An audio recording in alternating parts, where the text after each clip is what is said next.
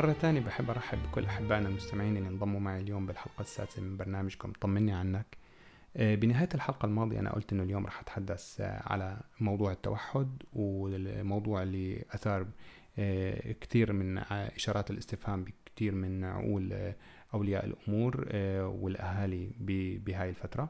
ممكن فجأة يتصل فينا حدا من المدرسة ويقول إنه نحن شاكين بسلوك ابنك إنه يكون ممكن يكون معه طيف توحد أو حتى توحد ولابد إنه يخضع للتقييم وبعد التقييم إيه ابنك عنده توحد. طيب بعد هاي الكلمة شو معنات التوحد؟ شو ممكن أنا أعمل كأهل أو أب أو أم أو إخوة أو أسرة تجاه هذا الطفل؟ إيه، شو هو هذا الخلل؟ شو هو هذا المرض؟ هل هو عقلي؟ هل هو نفسي؟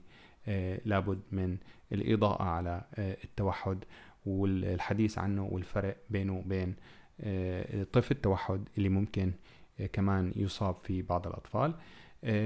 اليوم رح نتحدث بالحلقة السادسة عن عن التوحد الفرق بينه وبين طيف التوحد الأعراض والصفات الأساسية اللي بيكون مصاب فيها أو بيشتهر فيها أطفال التوحد.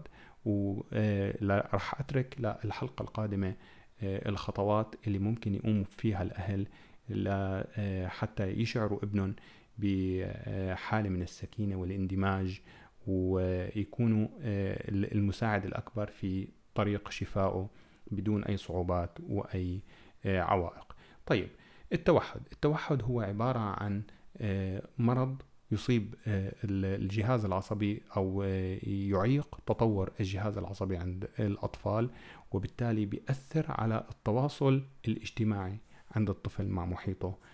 من أسرة من أصدقاء من بيئة مدرسة من حتى بيئة اجتماعية من كافة الجوانب. آه، الفرق بينه وبين مرض آه، طيف التوحد أو آه، الأسبرجر له اسم تاني اللي هو الأسبرجر مثل ما إنه التوحد له اسم تاني اللي هو الأوتيزم. هلأ المتوحد عنده ما بين أربعة لست أعراض هدلون لازم يتحققوا لحتى نقول عن الطفل إنه هو طفل عنده توحد. بينما طفلة الطيف التوحد أو طفل الأسبرجر هو بحقق بعض هذه الأعراض وليست كامل الأعراض. فهون بيكون عنده درجة من درجات التوحد. فما بيقولوا إنه هي درجة من درجات التوحد أو جدوا له اسم اسمه طيف التوحد أو الأسبرجر. طبعا في أعراض آه، بتصف فيها طفل التوحد ما بتصف فيها طفل الأسبرجر أو طيف التوحد وفي أعراض مشتركة بين المرضين. طيب نحن سبق وقلنا إنه هو اضطراب يعيق النمو العصبي عند الطفل. طيب شو هي الأسباب؟ لحد اليوم الأطباء النفسيين والعضويين لهلأ ما أوجدوا سبب واحد ممكن يسبب التوحد عند أطفال التوحد. أوجدوا أو توصلوا لعدة أسباب.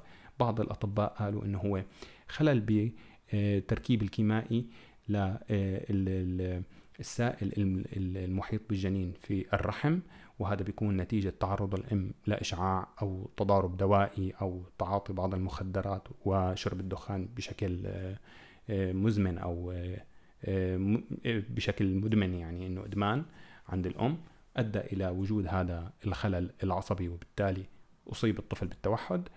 وفي آه، آراء لأطباء آخرين قالوا إنه هو ممكن يكون طفرة موجودة عند أحد الأبوين من جهة الأب أو من جهة من جهة الأم.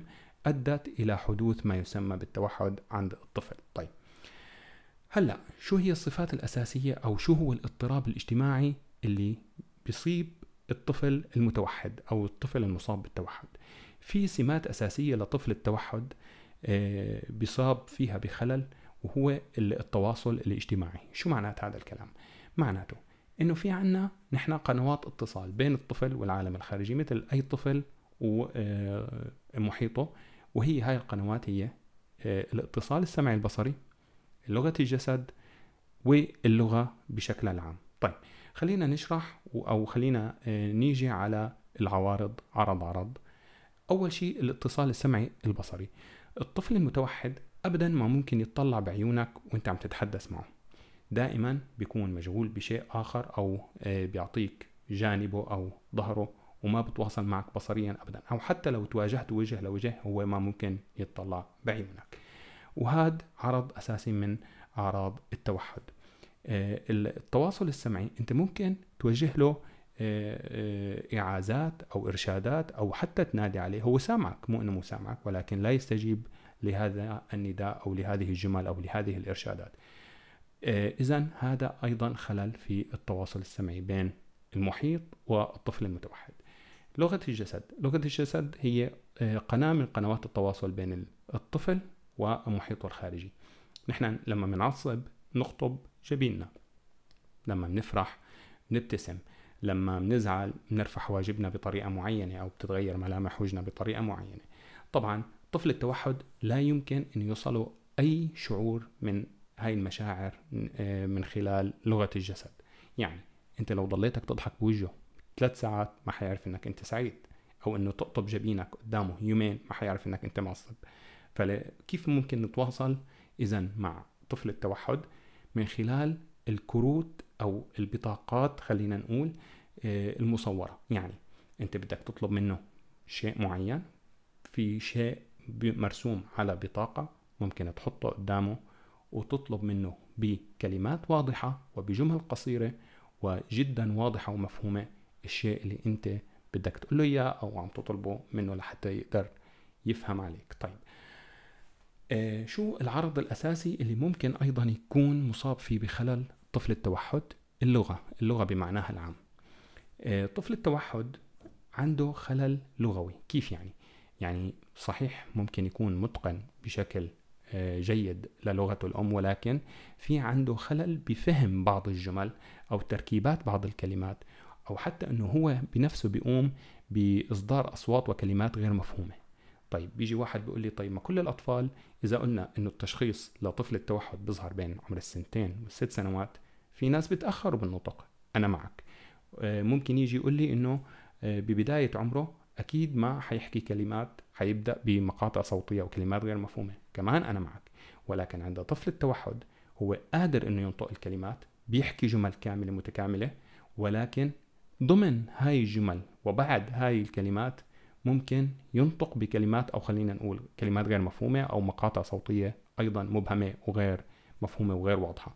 وهون بنتأكد مع تكرار هذا العرض إنه في الطفل عنده عرض أساسي من أعراض التوحد أو ممكن يكون مصاب بدرجة من درجات التوحد. وهذا عرض أيضا مشترك مع طفل الأسبرجر. طفل الأسبرجر عنده اختلال بموضوع اللغة خلل بموضوع التواصل اللغوي. طيب أيضا شو في عنا آه، عوارض مهمة وأساسية في آه، في سلوكيات طفل التوحد؟ طفل التوحد من الصعب جدا إنه يختلط مع الآخرين من الصعب جدا إنه ينشئ علاقات مع أصدقائه. دائما بتلاقيه منطوي له عالمه الخاص. ضمن البيت بغرفته ضمن البيت الصغير له ركنه الخاص اللي بيلجأ له. ويثق فقط بشخص واحد من الأسرة غالبا ما يكون الأم. هي بتكون أو الأم هي بتكون ملجأه الآمن وهي بتكون المؤثر الأساسي فيه. وهون بيكون من الضروري إنه الأم تقدر تفهم ابنها وتفهم عالمه.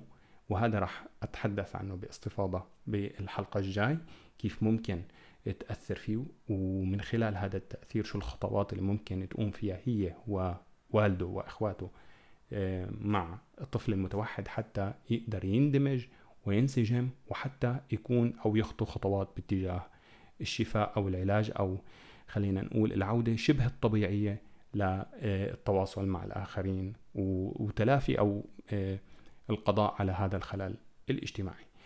طبعا آه، الطفل المتوحد زي ما قلت لكم إنه بحب ينطوي بحب يقعد مع نفسه ضمن عالمه الخاص ضمن روتينه اليومي الثابت وهذا اللي راح أتحدث عنه باستفاضة أكثر آه، بالحلقة القادمة الحلقة السابعة. حتى أعطي هاي النقاط حقها وحتى أشرح هاي الخطوات وما يكون فيها اختصار. راح أكتفي اليوم باللي حكيته عن التوحد واللي شرحته والفرق بينه وبين آه، مرض طيف التوحد أو الأسبرجر. حتى الحلقة القادمة آه، أتمنى لكم أعزائي المستمعين الصحة الدائمة ودمتم سالمين.